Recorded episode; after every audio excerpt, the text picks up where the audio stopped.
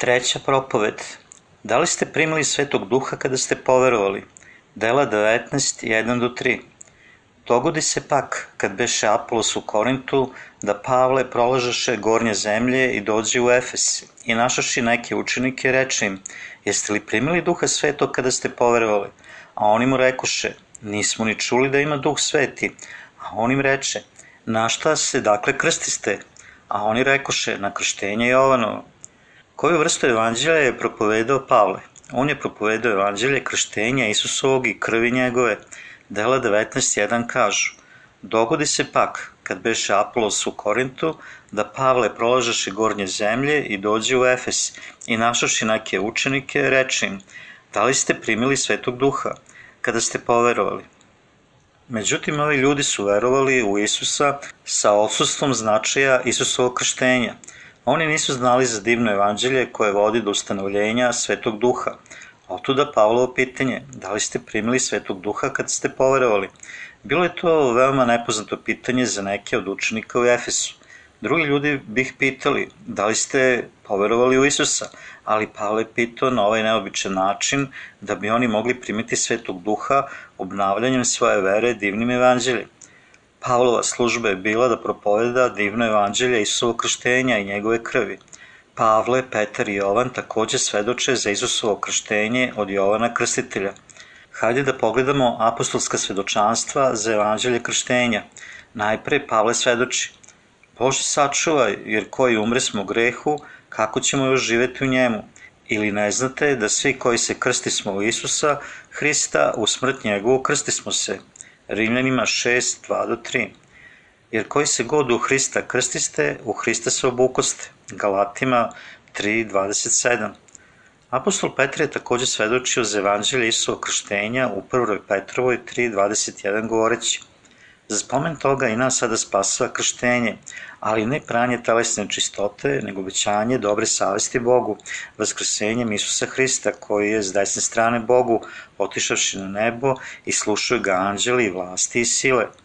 Apostol Jovan takođe svedoči za ovo divno evanđelje u 1. Jovanovoj 5, 5 do 8. Ako je koji svet pobeđuje osim onog koji veruje da je Isus sin Boži, ovo je Isus Hristos koji dođe vodom i krvlju i duhom, ne samo vodom, nego vodom i krvlju, i duh koji svedoči, jer je duh istina, jer je troje što svedoči na nebu, Otac, Reč i Sveti Duh, i ovo je troje jedno. I troje što svedoči na zemlji, duh i voda i krv, i troje zajedno. I on krstitelj je odigrao kritičnu ulogu u dovršavanju divnog evanđelja. Biblija kaže sledeće o Jovanu u Malahiji 3, 1 do 3 i Mateju 11, 10 do 11. Jovan Krstelj je bio predstavnik čovečanstva i prorok Ilija koji dođe, kako je zapisano u Starom Zavetu. U Starom Zavetu ponuda za greh se ubijala da bi skrvarila nakon što bi uzela grehe čoveka polaganjem njegovih ruku na nju. U Novom Zavetu, međutim, Isus je bio ponuda za greh koja je odnala grehe sveta kroz svoje krštenje i smrt na krstu. Platiše cenu za greh. Isus je spasao čovečanstvo jer je Jovan Krstitelj prenao sve grehe na njega kroz krštenje u reci Jordan. Bog je isplanirao dva velika dela da bi spasao čovečanstvo od njegovih grehova i on je ispunio oba. Prvo je trebalo Isus da dođe na ovaj svet kroz telo Device Marije i da se krsti i raspe, da odnese sve grehe sa sveta. Drugo je bilo da se Jovan Krstitelj rodi kroz Ilisavetu. Bog je uzrokovao da se ova dva događaja desi radi spasenja čovečanstva od greha. To je bilo planirano delo Božije u trojstvu. Bog je poslao Jovana Krstitelja na ovaj svet šest meseci pre Isusa. Tada je poslat Isus Hristos, spasitelj čovečanstva. U ovom svetu on oslobađa čovečanstvo od osude za grehe. Isus svedoči za Jovana Krstitelja u Mateju 11.9. Ili šta ste izišli da vidite? Proroka? Da, ja vam kažem i više od proroka. Uskoro i više, kad je Jovan Krstitelj koji je prenao grehe sveta na Isusa, vidio njega sledećeg dana, svedoči govoreći, Gle jagnje Božje koji uze na se grehe sveta. Jovan 1.29 Biblija ima mnogo zapisa o Jovanu koji je krstio Isusa i mi treba da nastojimo da dobijemo bolje znanje o njemu. Jovan Krstitelj je došao na ovaj svet pre Isusa. Njegova uloga je bila da ispuni divno evanđelje koje je bilo Božji plan. Biblija kaže da je Isus prihvatio sve grehe sveta od Jovana i da je Jovan prenao na njega ispunjenje Božije volje. Mi njega zovemo Jovanom krstiteljem jer je krstio Isusa.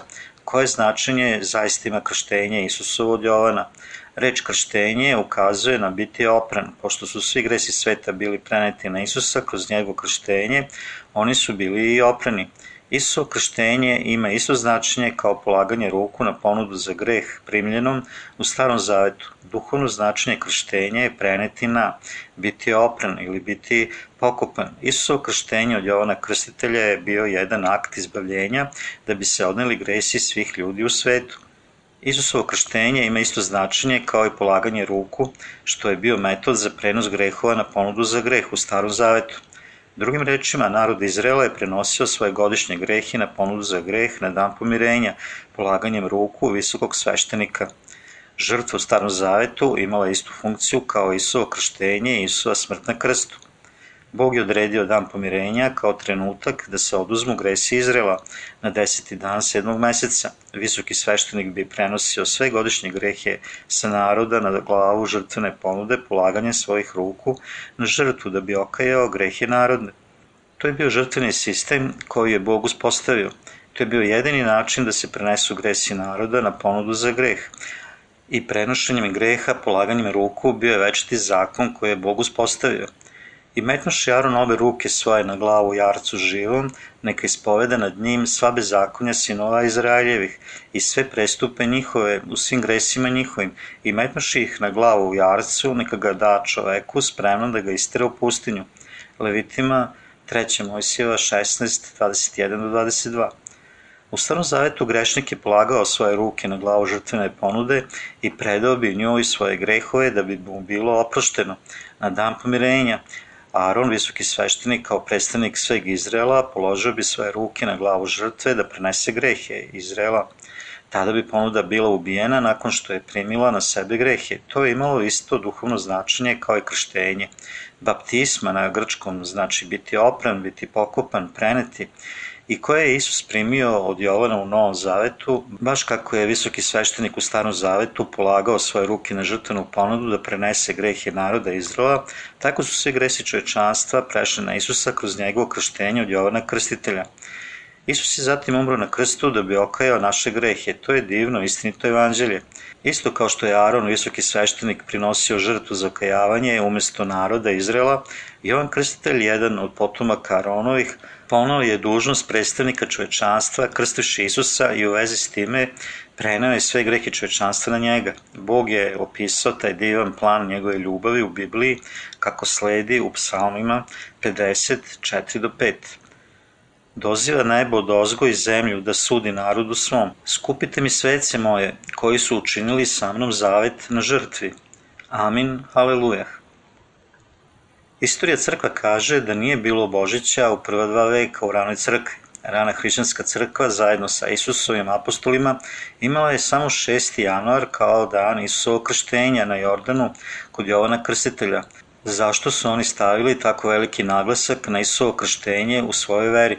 Odgovor je pravi ključ hrišćanstva sa apostolskom tradicijom, ali ja se nadam da nećete biti zbunjeni sa vodenim krštenjem vernika i krštenjem Isusovim. Krštenje vernika, kako postoji danas, ima veoma različito značenje od krštenja Isusovog primljenog od Jovana. Stoga bi trebalo svi mi da imamo istu veru kao Isusovi učenici ako bi želeli da primimo ustanovljenje Svetog Duha. Mi trebamo svi da primimo ustanovljenje Svetog Duha verom o krštenje Isusa Hrista, koje je on primio od Jovana i u njegovu krv na krstu. Ako je rana crkva kroz krštenje kao jedan izuzetno važan ritual imala dužnost da okrene njihovu veru prema Isusovom krštenju i mi bi trebalo danas takođe da posmatramo Isusovo krštenje od Jovana kao neophodan sastavni deo našeg spasenja. Što više, mi moramo dosegnuti i držati pravu veru perfektnog znanja koja kaže da Isus treba da bude raspet obavezom svog krštenja od Jovana. Mi treba da nosimo na umu da Sveti Duh počinje da stanuje u nama kada verujemo da je Isus bio kršten, umro na krstu i bio raspet da bi postao naš spasitelj. Isusovo krštenje od Jovana i njegova krv na krstu imaju tako posebno značenje u divnom evanđelju. Bezbedan način da primite Svetog Duha je da verujete u divno evanđelje Isusovo krštenje i krvi. Isusovo krštenje čisti sve grehe čovečanstva odjedno. To je bilo krštenje izbavljenja koje nas je vodilo da primimo Svetog Duha. Otkako neki ljudi ne shvataju moć Isusovog krštenja, oni to prihvataju više kao ceremoniju. Isusovo krštenje čini deo divnog evanđelja kojim je rečeno da je on odnao sve grehe sa sveta i prihvatio osudu za njih, proliši krv na krstu. Svako ko veruje u reči ovog divnog evanđelja postaje član crkve, koje je gospodnje posredstvo i uživa blagoslove Svetog Duha. Sveti Duh je dar od Boga za one kojima su oprošteni njihovi gresi. Svojim krštenjem Isus postaje jagnje Božije koje uze na sve grehe sveta. Citirano Jovan 1.29. U Jovanu 1.6-7 je rečeno Posle Bog čoveka po imenu Jovana. Ovaj dođe za svedočanstvo da svedoči za videlo da svi veruju kroz nje, da bi verovali u Isusa kao našeg spasitelja koji je uzo sve naše grehe mi moramo shvatiti Jovanovo sveštenstvo i svedočanstvo kako je to zapisano u Bibliji. Tada ćemo biti sposobni da verujemo u Isusa Hrista kao našeg spasitelja. Da bi primili svetog duha, nama je takođe potrebna snažna vera od srca za ovo svedočanstvo. Međutim, da bi dovršili divno evanđelje istine, mi moramo da verujemo u Isusovo krštenje od Jovana i u njegovu krv na krstu.